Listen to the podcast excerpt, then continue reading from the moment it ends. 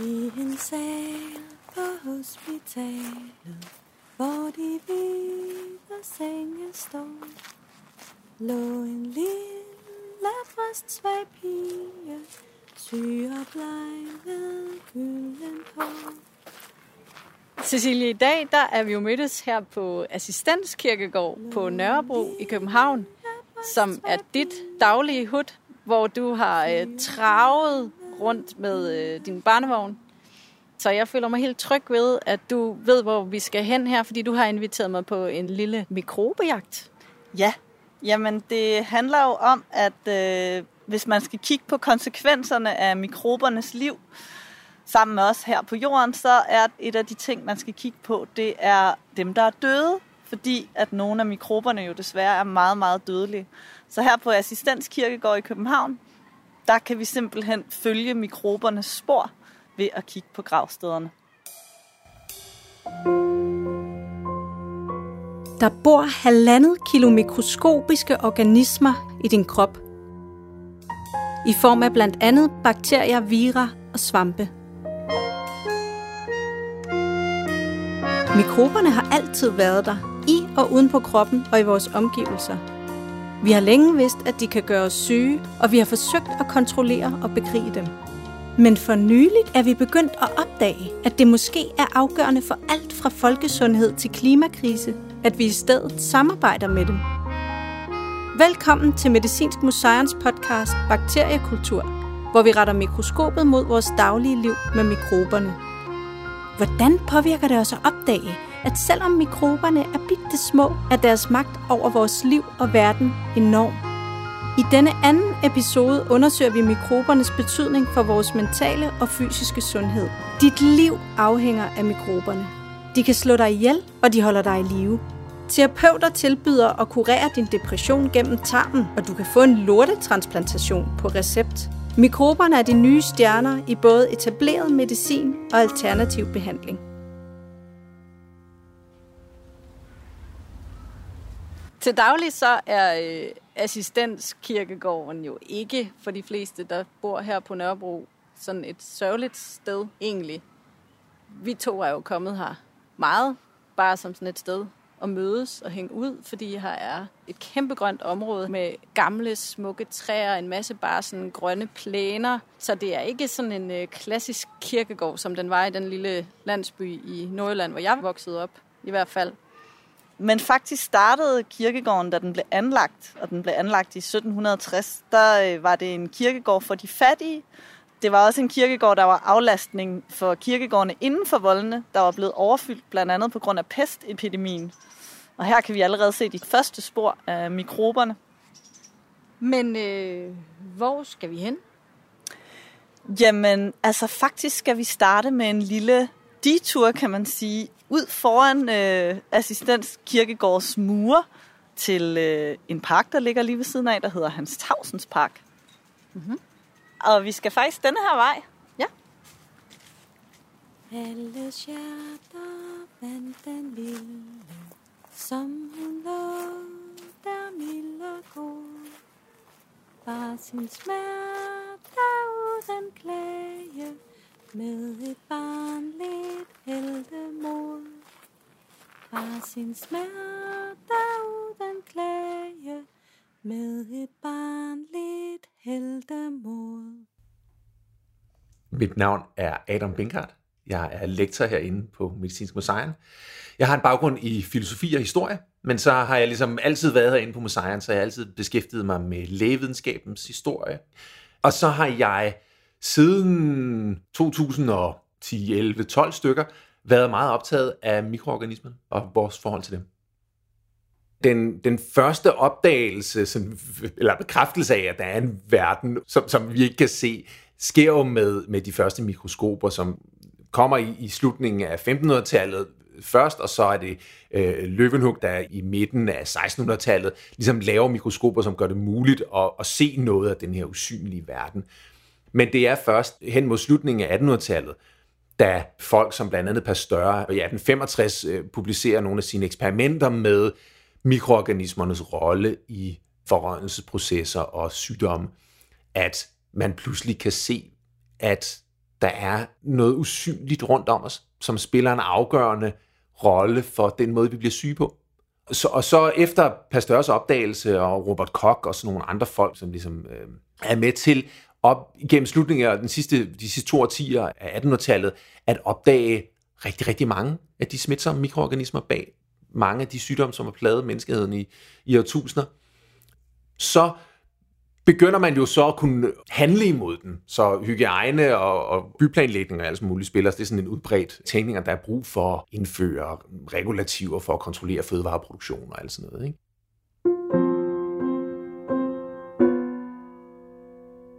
Så får man endnu et redskab, som er opdagelsen af antibiotika, som øh, foregår i den første halvdel af det 20. århundrede og for alvor bliver masseproduceret op omkring 1940 og frem efter, hvor efter at man har eksperimenteret med det og haft øh, fra Alexander Flemings opdagelse af penicillinen, som er meget svært at masseproducere, så begynder man at finde metoder til at masseproducere penicillin og andre antibiotika på.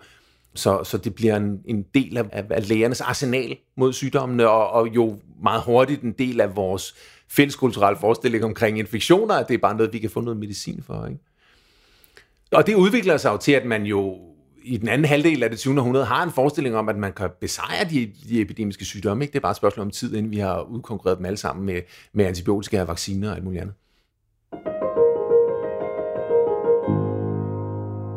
Det, der så sker hen mod slutningen af det 20. århundrede, det er, at man et andet sted i forskningen i sætter det menneskelige genomprojekt, hvor man udvikler nogle teknologier til at studere arvemateriale, som giver nogle fantastiske resultater, men heller ikke alle de resultater, man håbede på og troede, man ville få ud af at afkode det menneskelige genom.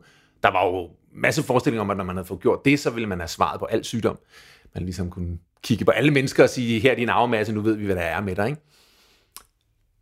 Sådan var det bare ikke. Der var ikke den information, man troede i det.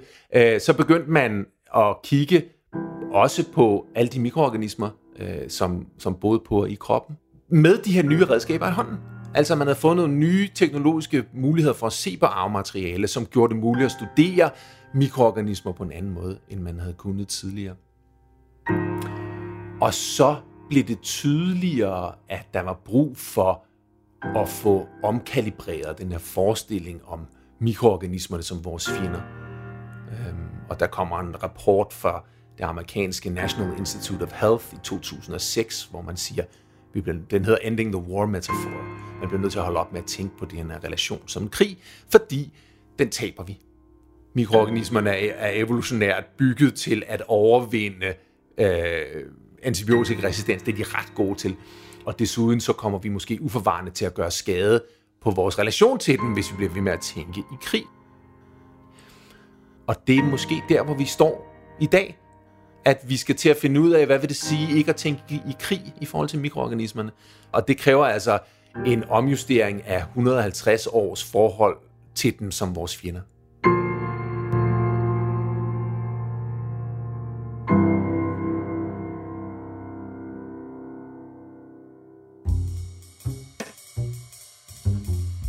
Jeg er Marie Timømme Deinbol.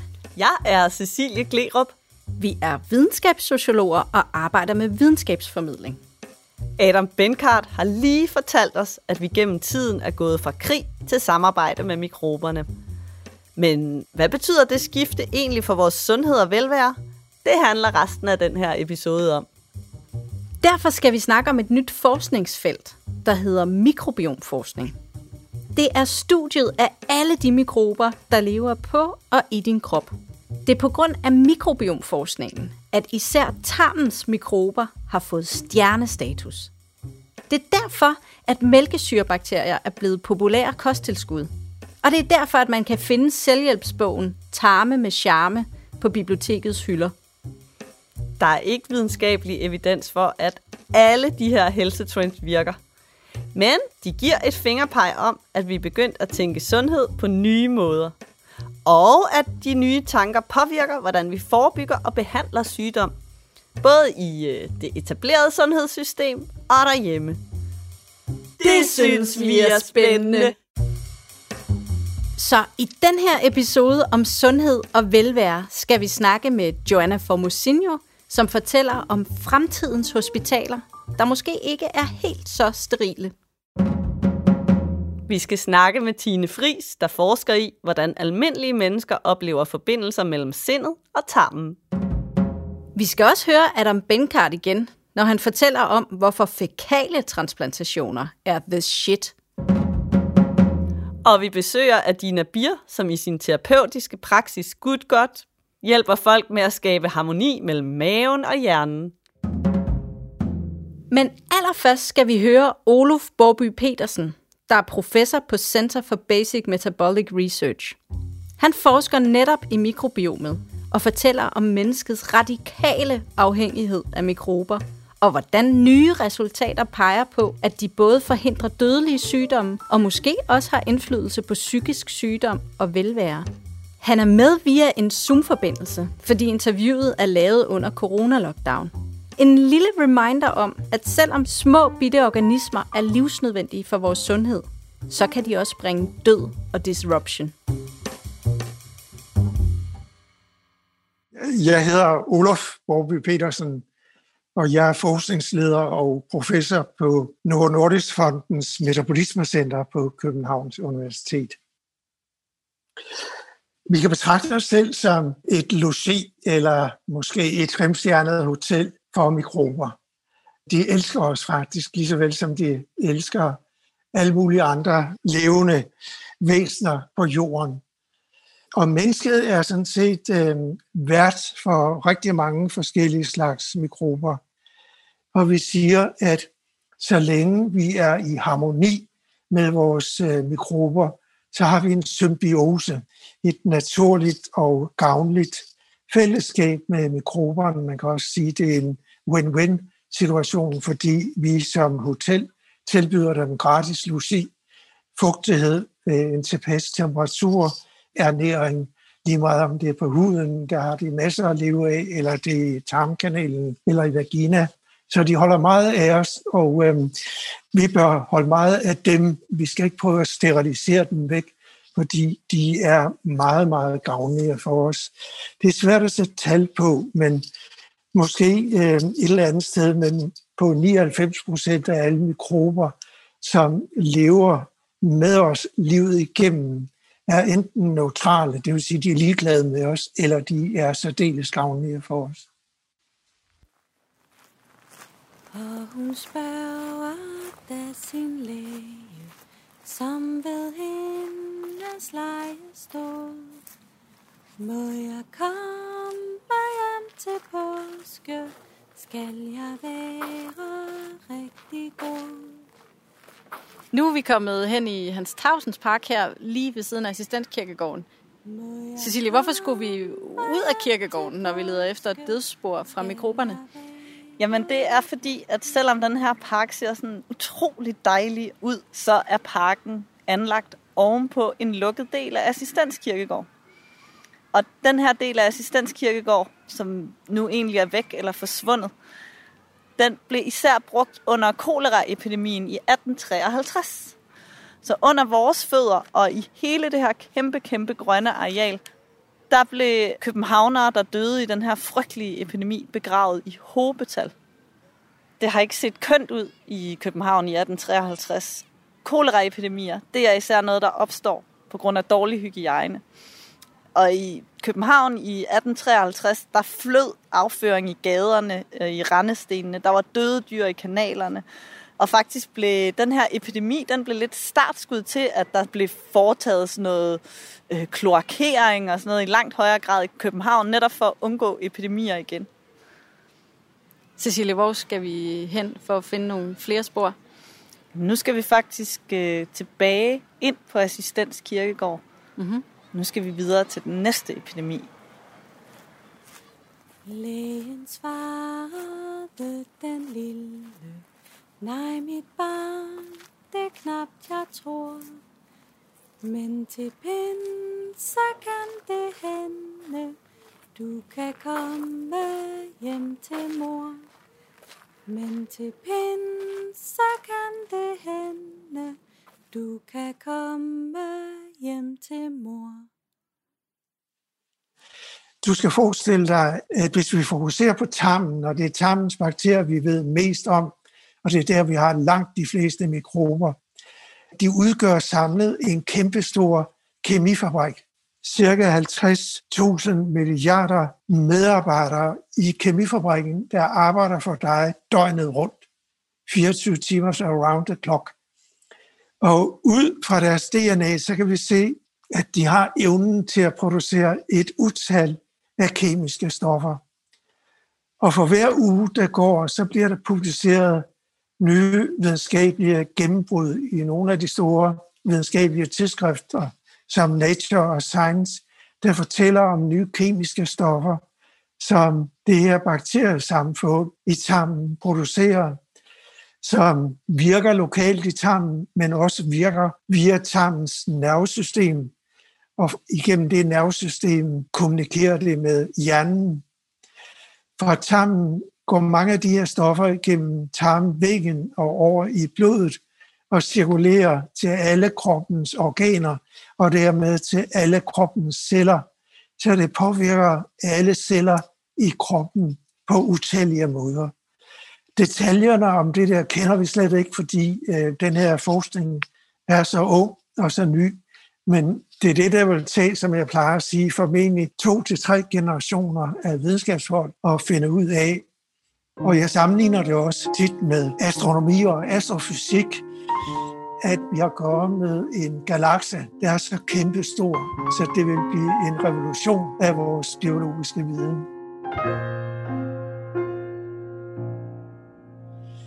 alle mennesker er genetisk disponeret til at udvikle et væld af forskellige folkesygdomme.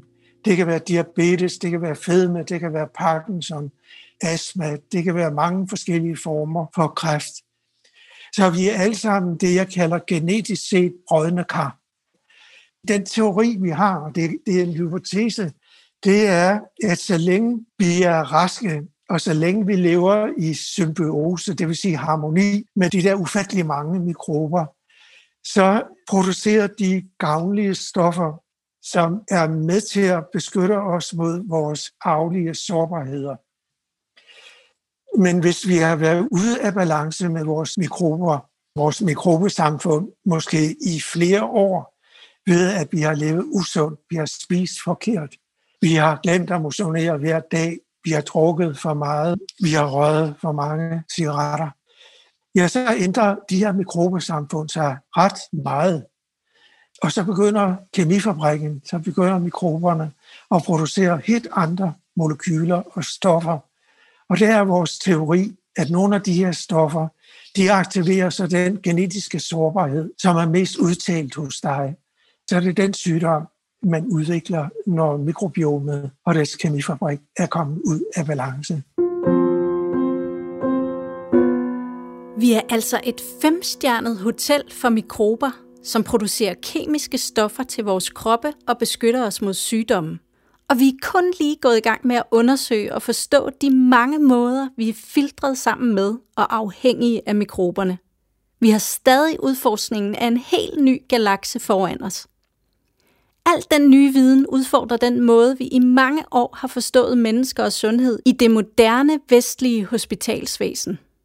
Det undersøger Joanna Formosinho, som er Ph.D.-studerende på Medicinsk Museum. Hej Joanna. Hi. Can you tell me your name and what kind of research you do? Sure.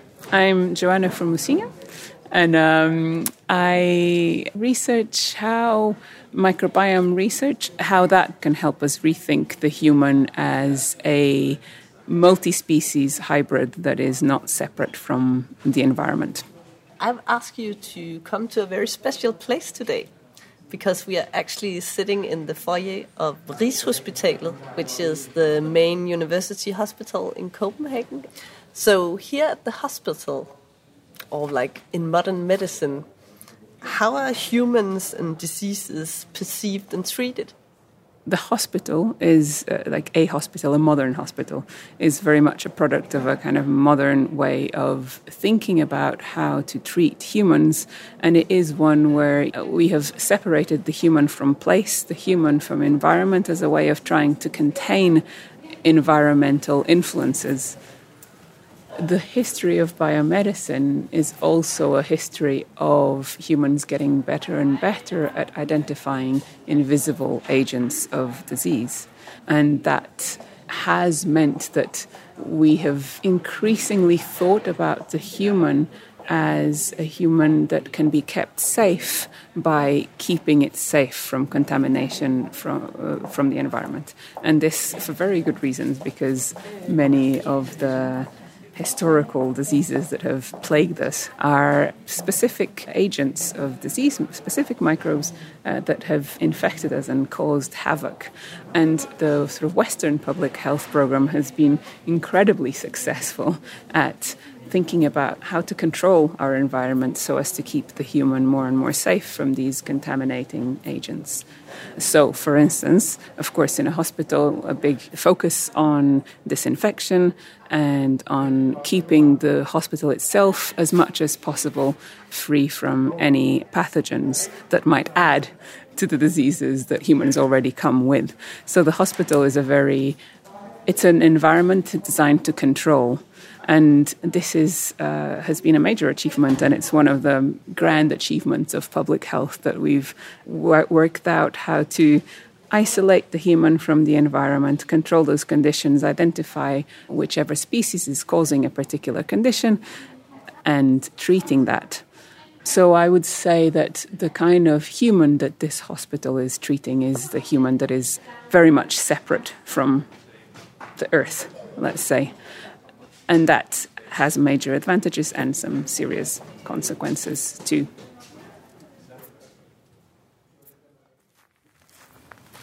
Og hun spørger efter læge, som ved hendes leje står. Må jeg komme til høsten? Må jeg komme hjem til mor? Så er vi her. Og øh, vi står foran gravstedet for sættemaskinens opfinder.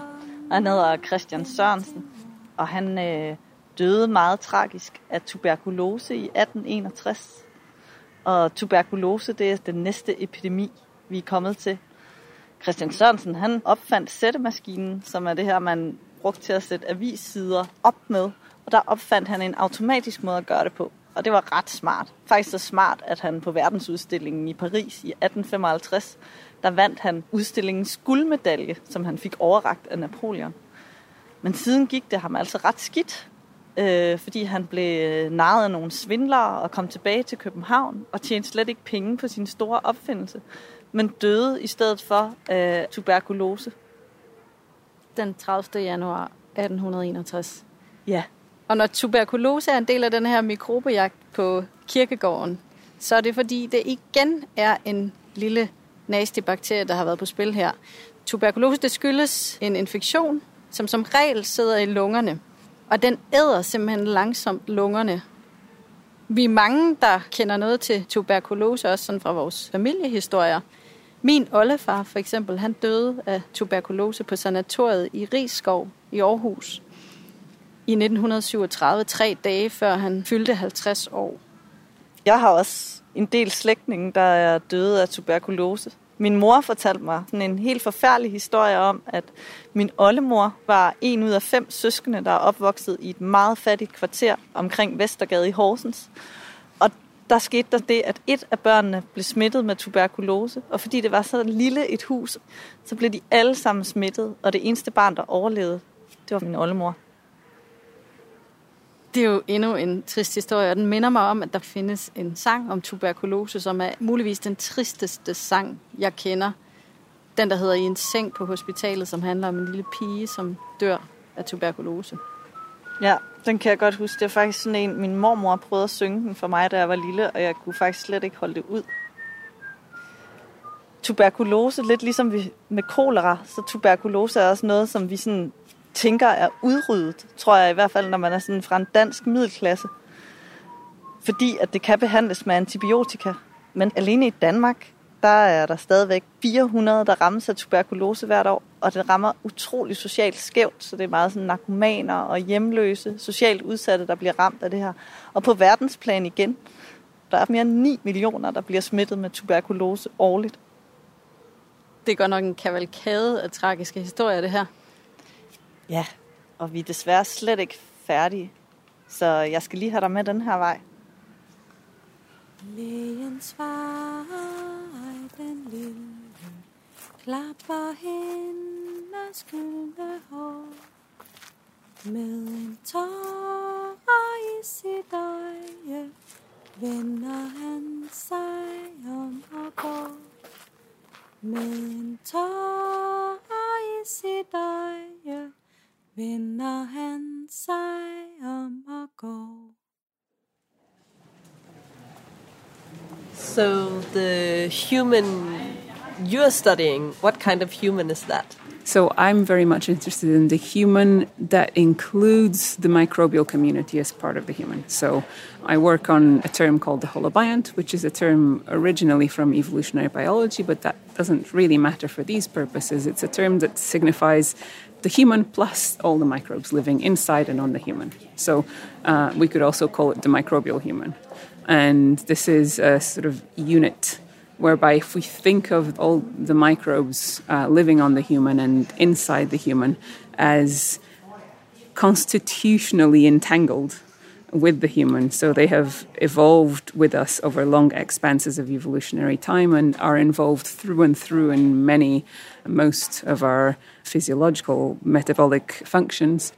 What are the disadvantages of looking at humans just as humans without the microbes?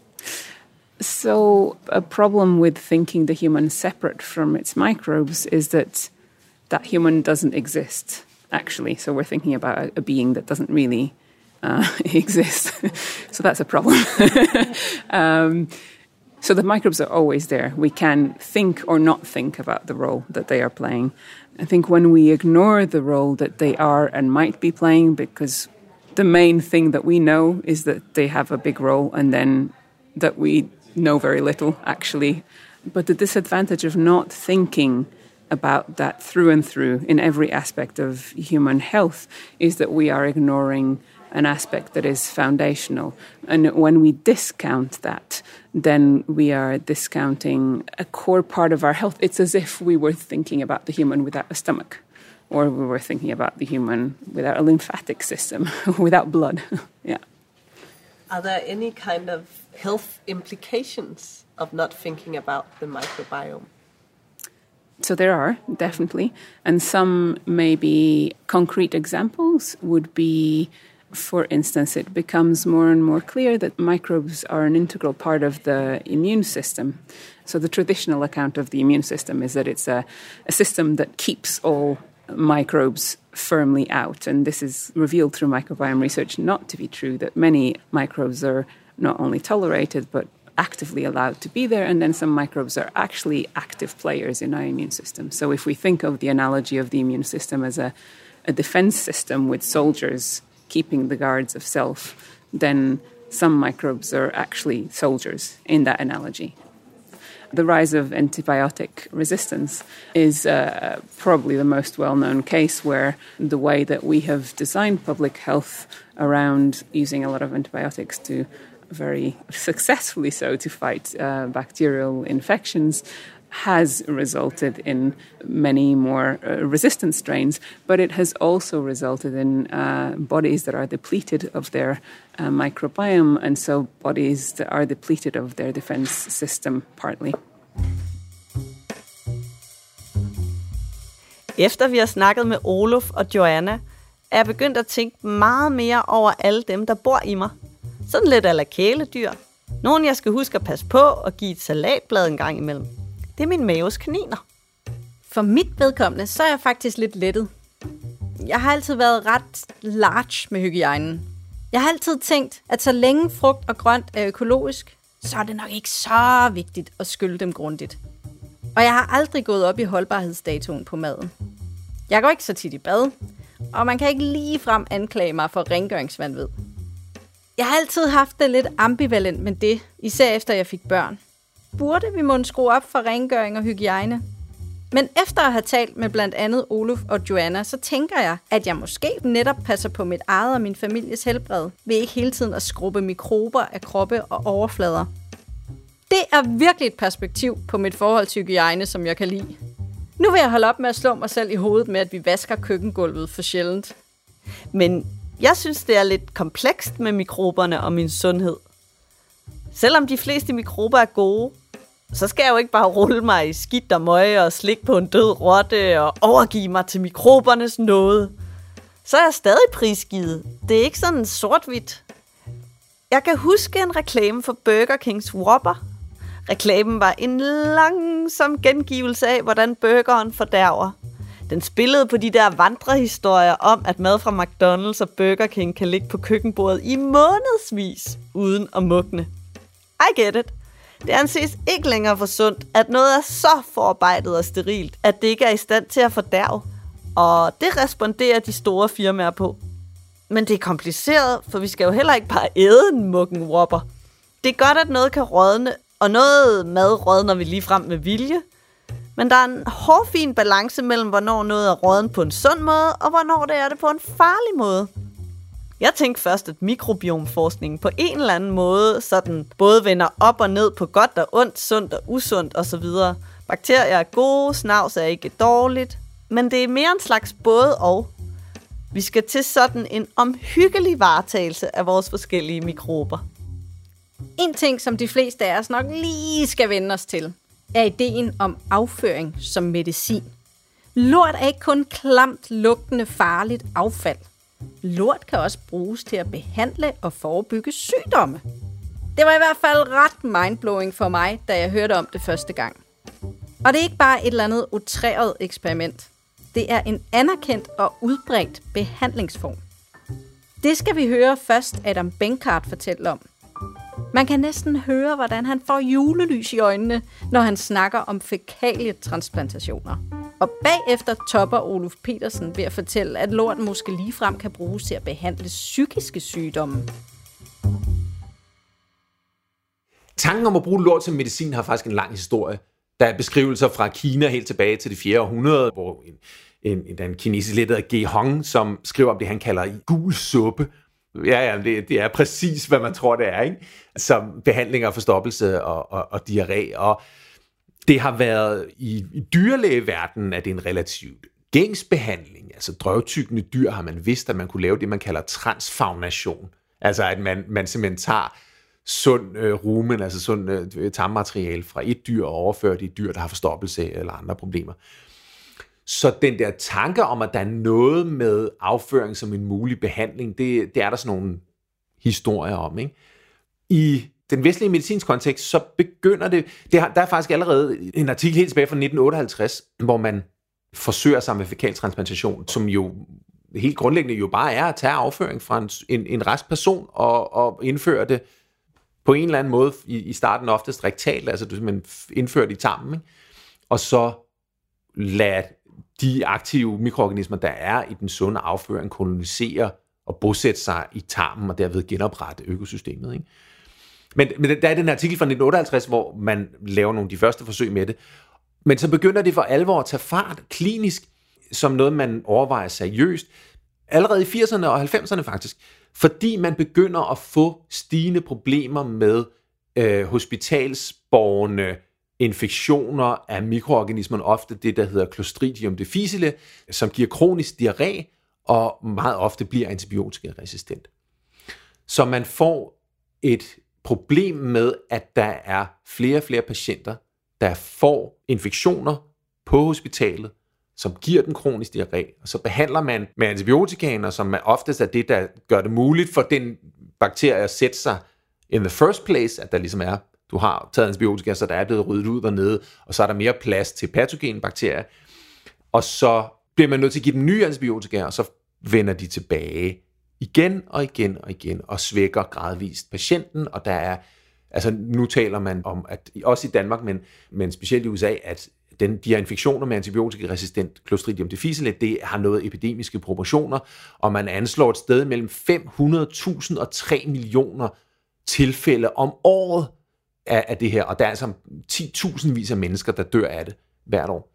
Fordi det bliver større og større problemer, fordi at det, man behandler med, antibiotikaen er en del af problemet, så forståeligt nok leder man efter andre muligheder. Og der bliver fækaltransplantationen noget, man, man griber til sporadisk og glimtvist op igennem 80'erne og 90'erne, og så mere fokuseret i takt med, at mikrobiomprojektet også folder sig ud sideløbende i 2000'erne. Og så viser det sig, at det virker omkring et sted mellem, mellem sådan noget 80-90% succesrate i at kurere den her infektion. Så fækaltransplantationen virker. Den gør noget ved kroppen. Den løser et medicinsk problem, lige så mærkeligt og, og omvendt som det er, øh, og kan virke for os. Altså, vi har for fanden indrettet det meste af vores samfund på at komme af med afføring, så her hurtigt som muligt, og vi, det, er, det er noget, vi kulturelt set har relativt svært ved at snakke om. Ikke? Men, men øh, så vender det pludselig tilbage som noget levende, og som noget, der potentielt kan, kan helbrede os. Ikke?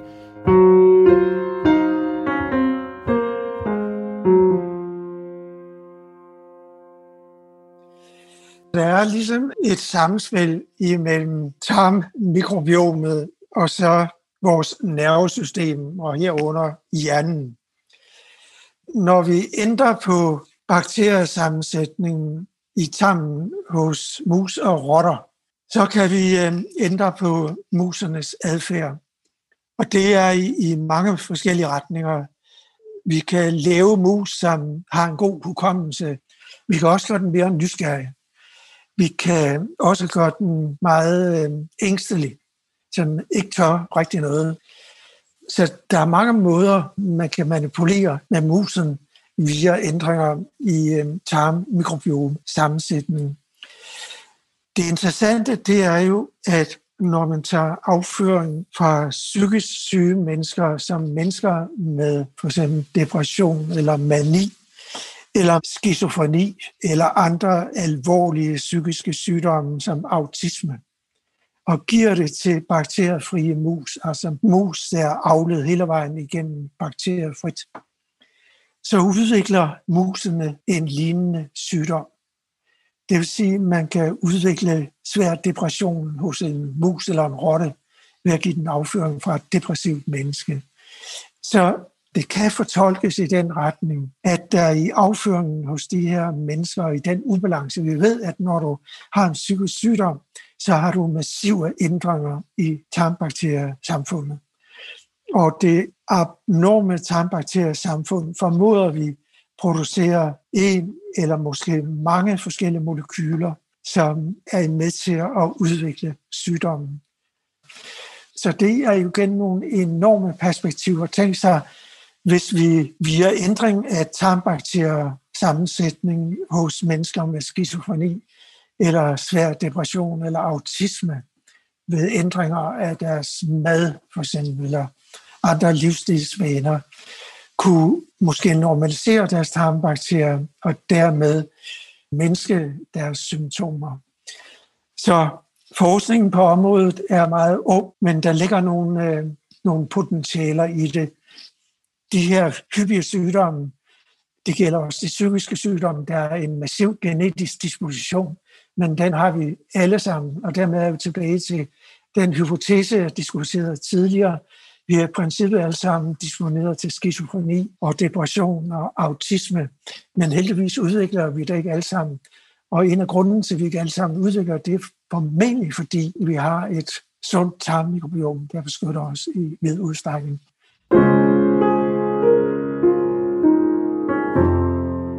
Ubalance i tarmen kan altså måske give ubalance i psyken. Og hvem ved, Måske vil det engang være helt almindeligt at smide en pakke kapsler med afføring i indkøbskurven, når man har ondt i sindet.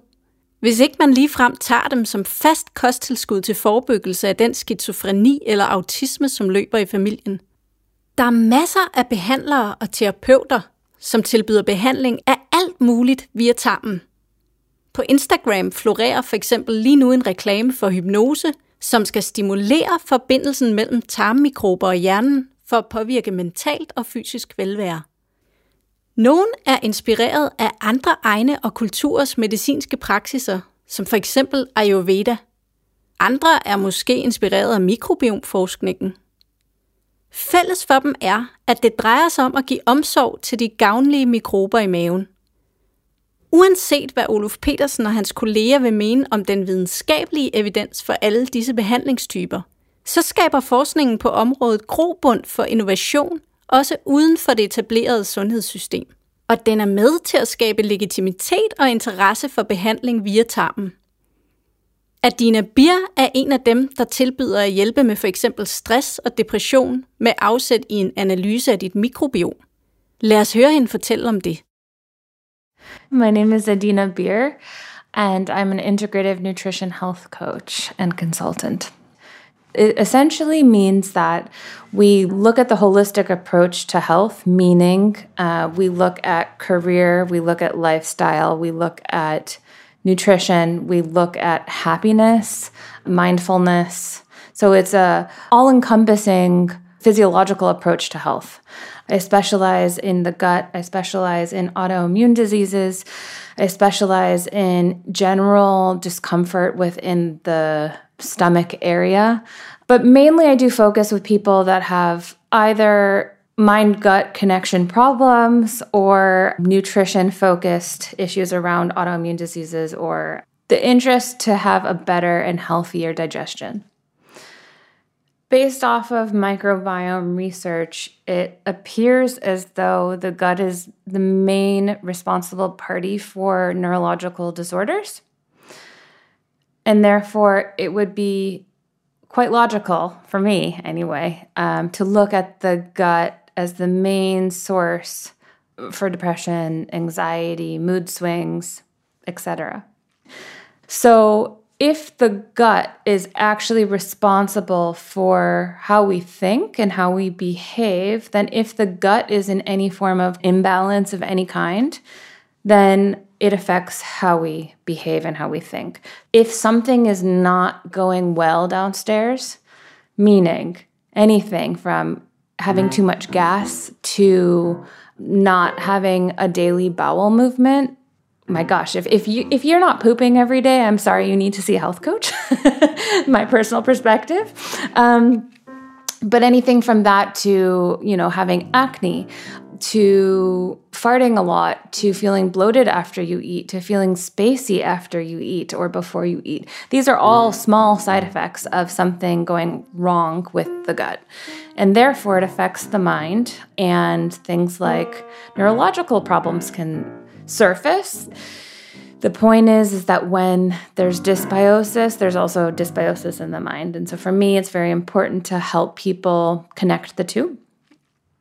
So when i work with people for example to work a bout of depression we're really investigating what they're eating. And once i can get a person on a what i believe to be a clean pathway and they haven't changed in the slightest then we can investigate deeper but first and foremost would be to get them on a clean, healthy diet and nutrition plan.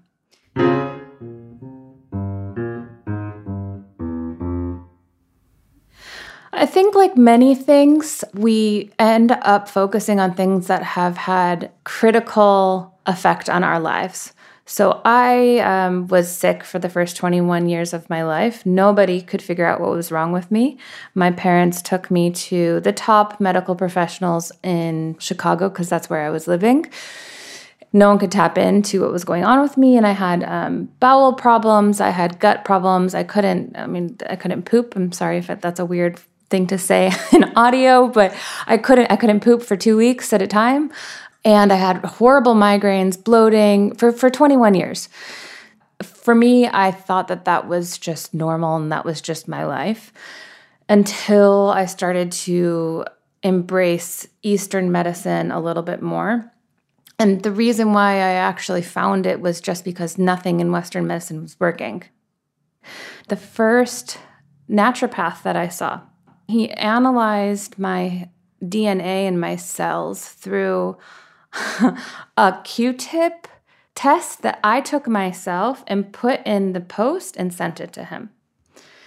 What resulted in this was a very strict plan that I had to follow for one month. And in this plan, it consisted of Ayurvedic philosophies and ancient Chinese philosophies. And in Chinese medicine is also very common to work with food. There was the first tap into fermentation for me. because I was on a very, very strict diet, and sauerkraut was one of them. And it was important that I made my own sauerkraut and that I didn't buy commercial sauerkraut. When you want to consume microbes in order to heal you, it's best consumed raw. And 99.9% of the time, raw microbes are not alive in commercially produced products. And within the treatment of getting better and repopulating my gut and eating sauerkrauts and kombuchas and making all of these things at, at home, it was also imperative that I used my body so that I could heal it, meaning sweat, get your heart rate up in order to work with the food and the nutrition. Later on, when I actually studied nutrition and integrative health, I realized that for me, the gut is the most important part of health because it actually controls everything we do and it is the deepest part of my relationship to my body. And so I chose this gut specialty because I, I really know it from the inside out. Yeah.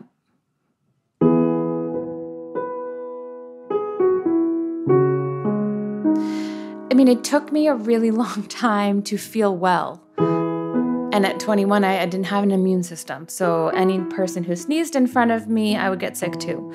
Any person who had the stomach flu in my class, I would be puking the next day. It took a decade of being really strict with myself in order to get my body back. And now, if you were to test my microbiome, it's at, I mean, I've never been so populated in the ciliary, live and thriving.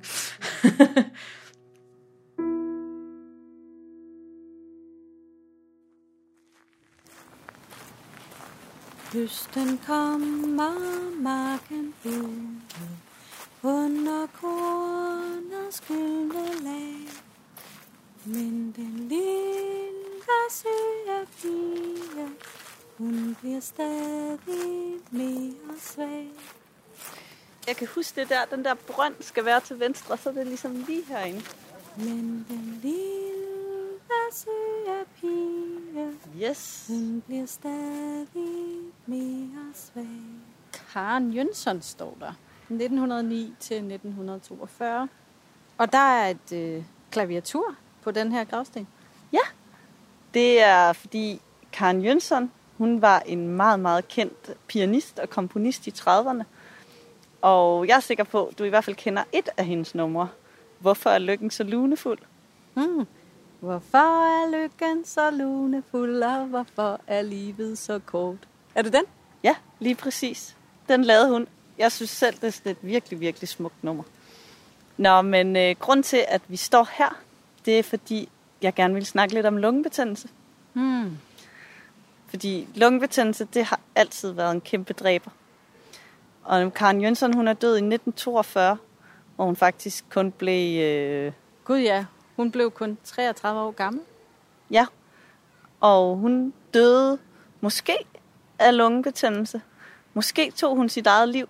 Det ved man ikke helt, fordi at hun manglede faktisk sådan ordentligt at blive øh, krediteret. Hun havde en stor fanskare, men samtidig blev hun også kritiseret rigtig meget som en kvinde i 30'erne, der ligesom tog livet i egen hånd og var en dygtig komponist og en dygtig pianist, og faktisk også arbejdede som skuespiller. Så vi ved faktisk ikke helt, om hun døde af lungebetændelse i 1942, eller hun tog sit eget liv. Under dække af lungebetændelse, eller Ja, det var der så i hvert fald nogle andre, der hendes forlovede lavede dækket af lungebetændelse. Man ved det ikke helt, men i hvert fald, så kan man sige, at i 1942, som immer væk ikke er særlig længe siden i virkeligheden, der var det stadigvæk helt plausibelt, at en kvinde på 33 år kunne dø af lungebetændelse. Og til sidst med fred i følge, julens glæde højtid kom. Men en lille røst var stille, og en lille seng stod tom. Men en lille røst var stille, og en lille seng stod tom.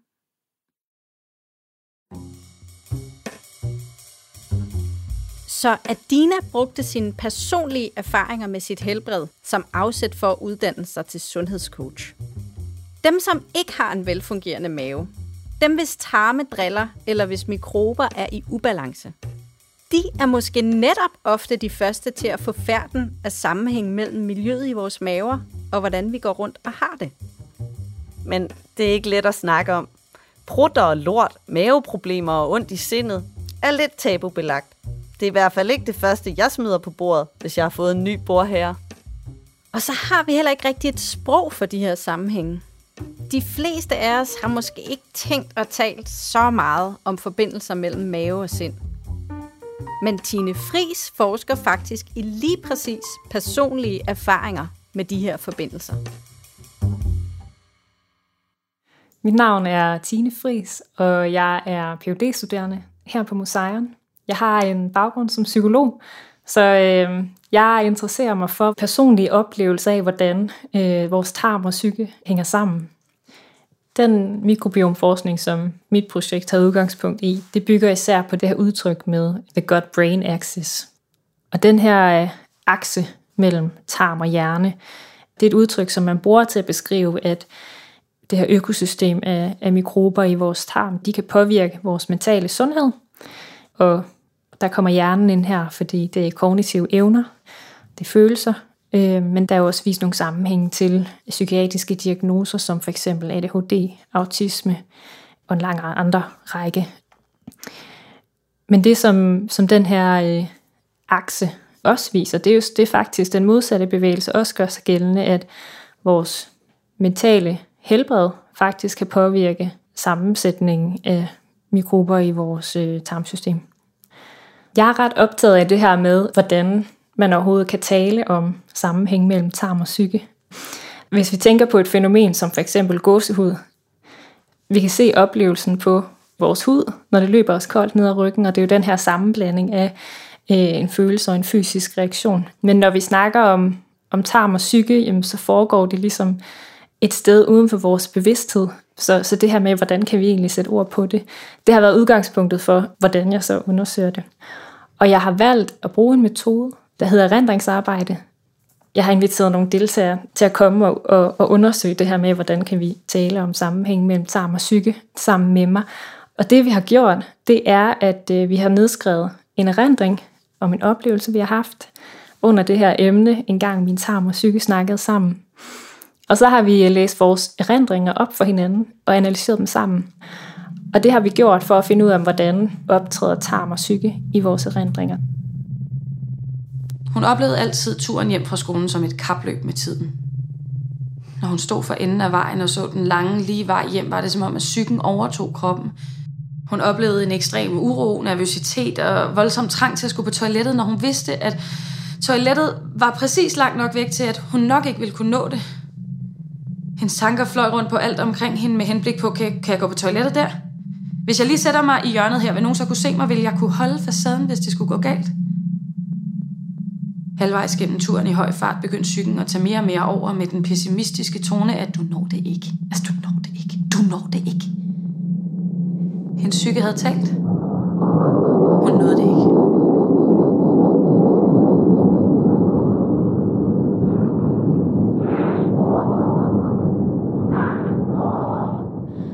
I det materiale, som jeg arbejder med, der er der måske nogen, som beskriver mere sådan hverdagsmæssige situationer, hvor de altså baseret på tidligere erfaringer, har lært, at det er bare en dårlig idé at spise det her inden en eksamen, fordi kroppen reagerer på en særlig måde. Det kunne være et eksempel på en af de måder, som, som mine deltagere har, har forholdt sig til den her dialog mellem tarm og syge på. Øh, men det kunne også være sådan noget som, at den her dialog bliver sat lige med intuition eller en mavefornemmelse for, hvad der er rigtigt at gøre i en konkret situation. Og til os simpelthen, at kroppen måske tager over i en situation, øh, og man ikke kan nå hjem på toilettet. Der er ret bredt øh, spænd i forhold til, hvordan vi kan opleve, øh, hvordan tarm og psyke hænger sammen. Hun har nogle gange ikke så gode dage uden en synlig årsag. Er det kun psykisk, eller kunne det godt forebygges eller formidles, hvis hun lyttede til tarmen? Var der nogle signaler, som hun gik glip af? Er det kun en subjektiv opfattelse, eller kunne det måles på tarmens mikroflora? I hvert fald vil hun nu prøve at lytte mere til tarmen. Sidste år oplevede hun selv det med ondt i maven, hvor det hang sammen med noget psykisk. At hun var sammen med den dejligste kæreste, men på grund af børn og karriere og hverdag havde de ikke så meget tid sammen. Og som tiden gik, opdagede hun, at hun ofte var begyndt at have ondt i maven de dage, han skulle komme. Det gik op for hende, at, at det hang sammen med, at han kom om aftenen og gik tidligere om morgenen. Altså hun følte sig på en eller anden måde brugt, øh, eller sådan brugt til fornøjeligheder, uden at, at den dybere relation og hendes behov for, at man er der for hinanden, blev opfyldt. Men hun fik det stoppet, og det viste sig også senere, at han ikke var helt klar til at gå hele vejen, efter at han var blevet skilt halvandet år tidligere. Så tak for hendes tarm og mavefornemmelse, der vidste før hende selv, hvad der var på spil. Hvordan blev du opmærksom på, at din tarm ligesom prøvede at, at sige noget her? Det var fordi, hver gang han skulle komme sådan en time, halvanden inden, så begyndte jeg sådan at få lidt ondt i maven. Sådan lidt...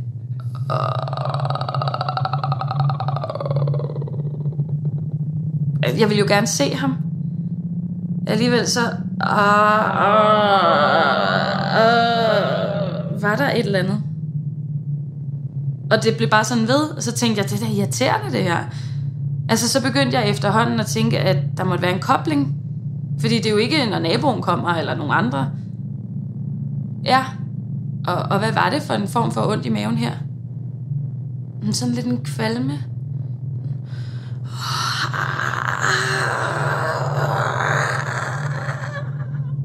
Urokvalme.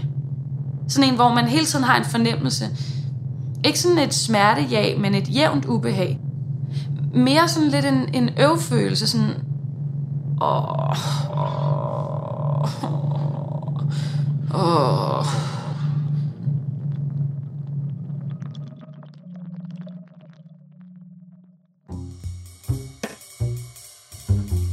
Det vi hørte her var genfortællinger fra Tines arbejde med erindringer om tarm og sind, lavet i samarbejde mellem Tine og lydkunstneren Eduardo Abrantes. Adam sagde, at vi er i gang med at omkalibrere vores forestilling om mikroberne som vores fjender. At vi går fra bekæmpelse og kontrol til samarbejde. Nu har vi fået foldet mere ud, hvad det betyder for vores forståelse af vores kroppe, sygdom, sundhed og behandling. Vi har frygtet mikroberne, men med de her nye perspektiver, så skal vi måske mere frygte, om vi ikke passer godt nok på dem, og ikke skaber et godt miljø for dem. Selvom det forskningsmæssigt stadig ikke er helt klart, hvordan de her samarbejder med mikroberne kan tage sig ud, så myldrer det frem med alle mulige behandlinger og idéer om sundhed. Og måske er der også mere modstand mod at bekrige mikrober. Hele antivaccinebølgen kan jo også ses i det perspektiv. Hellere samarbejde med mikroberne, end bekrige med vacciner. Der foregår mange parallelle ting om mikrober og sundhed flere steder i samfundet lige nu. Til gengæld kan min indre sociolog godt blive lidt bekymret over, om der er sådan nogle tendenser til mere ansvar for mit eget helbred i de her perspektiver. Alt det her med at pleje mikroberne for at undgå sygdom, er jo meget noget, der foregår hjemme hos mig selv, med mig selv, hvor jeg så skal leve helt vildt sundt. Det kan måske sammenlignes lidt med det her med, at mange synes, det er ens egen skyld, hvis man er for tyk, fordi man bare kunne spise mindre og dyrke mere motion. Selvom al mulig forskning viser, at der både er genetiske og sociale og alle mulige andre faktorer, som spiller ind på ens vægt. Jeg vil bare meget nødig have, at det bliver min egen skyld, at jeg bliver psykisk syg eller får kræft, fordi jeg ikke har passet godt nok på mine mikrober. Eller at jeg kan kurere mig selv, hvis jeg bare spiser virkelig sundt. Det er sgu et tungt ansvar at lægge på det enkelte menneske. Men det, som kan være et tungt ansvar at lægge på den enkelte, kan samtidig for nogen være en mulighed for netop at gøre noget. At handle på sin sundhed og trivsel. Jeg kan bare være bange for, at det har en social slagside.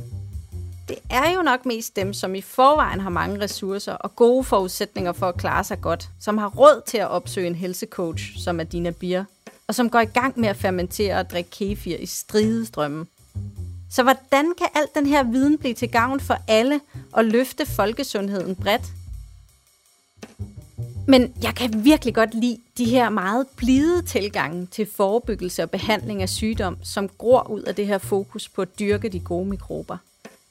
Fækalietransplantationer og fermenteret kost, det lyder bare mere sundt og mere som noget, der spiller sammen med min krops natur, end for eksempel medicin og kemoterapi. Det ene behøver selvfølgelig ikke udelukke det andet, men hele tankegangen i mikrobiomforskningen, som handler om at forstå kroppens naturlige forsvarssystemer og arbejde med dem, det virker bare langt mere tiltalende på mig. Og meget mindre farligt. Måske kan det her sidste indslag give nogle andre perspektiver på det, Marie siger om folkesundheden. For her giver Joanna fra Foyeren på Ride nogle helt konkrete idéer til, hvordan vores fælles sundhedsvæsen kunne indrettes på en måde, så det passer til, at vi er holobionter.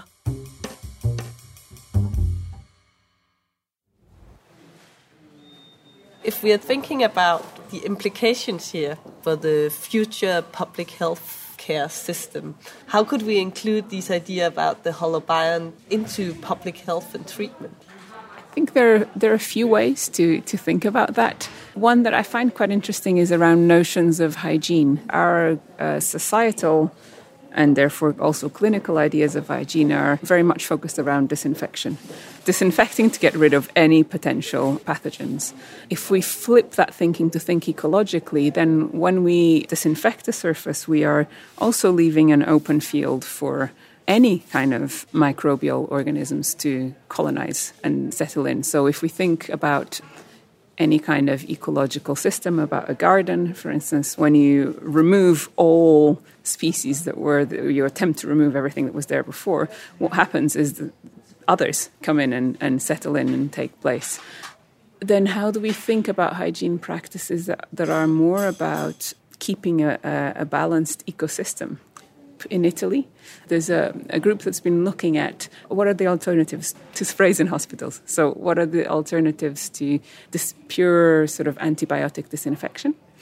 And they've been developing microbial sprays. So, it's a spray that sprays microbes onto surfaces in hospitals, but these are microbes that are known to be neutral for human health. And so, what this spray does is it crowds that surface with neutral microbes. So instead of getting a kind of clean slate where any microbes could come in and colonize, you get a, a, surface that's crowded out by microbes that are known to be neutral for us. And then another, I think, quite concrete hospital practice that it would be uh, very useful to rethink if we're going to think the human microbially is feeding and the, what kind of food patients are given in hospitals. And I'm not familiar with what Danish hospital food is like. Uh, but in the UK, it is appalling and known to be food that is, for very good reasons, food that's easy to serve, easy to prepare, you know, it's functional. Then uh, we know that uh, what we eat has very immediate effect on the microbiome. So patients eating plenty of vegetables in hospitals makes common sense from all sorts of point of view, but also very much from the microbiome point of view. So if we're going to think about treating the holobiont, then we need to think about feeding holobionts in hospitals also, not just feeding the human, but feeding the holobiont.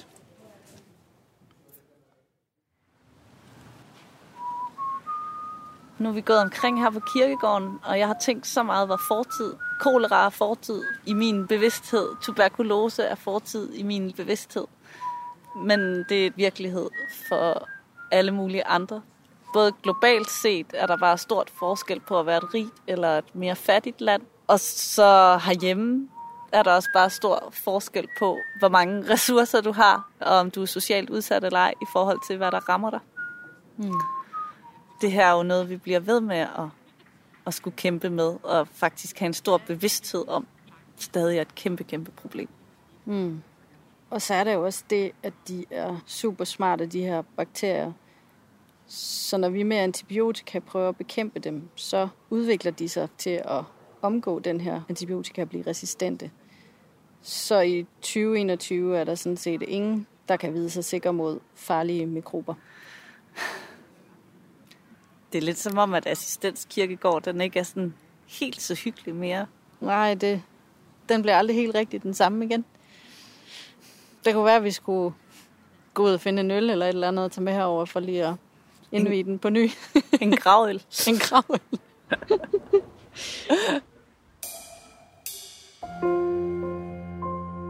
Du har lyttet til Bakteriekultur, en podcastserie i fire tematiske episoder om vores samliv med mikroberne. Den er produceret af Marie Chimømme Deinbol og Cecilie Glerup i samarbejde med Medicinsk Museum. Tilrettelæggelse, manuskript, klip, lyddesign og værtskab Cecilie og Marie. Musikken er af Andreas Markus. Lydmix og masterering Nikolaj Dalsgaard. Vi hørte et uddrag af værket Tarm og Psyke, en nærlytning med genfortællinger af erindringer fra Tine Frises forskningsprojekt. Det tilblev i samarbejde mellem Tine og lydkunstneren Eduardo Abrantes, oplæsning af Mathilde Eusebius. I denne episode medvirkede Adam Benkart, Olof Borby Petersen, Joanna Formosinho, Adina Bier og Tine Fris. Podcasten udspringer af temaer, diskussioner og indsigter fra forskningsprojektet Microbes on the Mind, og flere af forskerne medvirker. Alle holdninger, der kommer til udtryk, er deltagernes egne. Vi værter er inspireret af forskningen, men står selv på mål for vores ytringer. Tak til forskningsgruppen og øvrige medarbejdere på Medicinsk Museum, som har hjulpet med tilblivelsen.